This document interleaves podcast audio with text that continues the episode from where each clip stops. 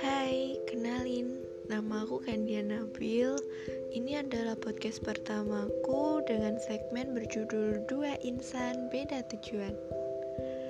Kadang kita tuh maunya yang terbaik buat orang yang kita sayang. Kita tahu apa yang baik buat dia, kita kasih taulah, kita kasih saran, kita kasih dukungan.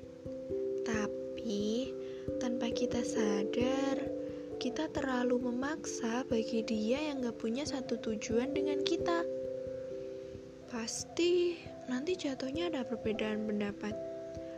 Lalu, lama-kelamaan, kita akan saling bertukar pikiran, membicarakan kekurangan kita satu sama lain, merasa benar atas pendapat kita masing-masing. Kadang juga apa yang terbaik menurut kita belum tentu jadi yang terbaik versi dia.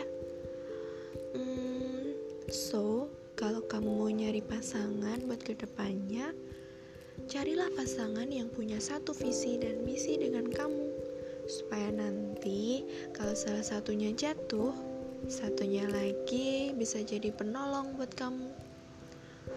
Coba deh sekarang kamu bayangin ketika kamu mempunyai pasangan yang gak satu visi, gak satu misi, atau bahkan tujuannya pun udah jelas-jelas beda.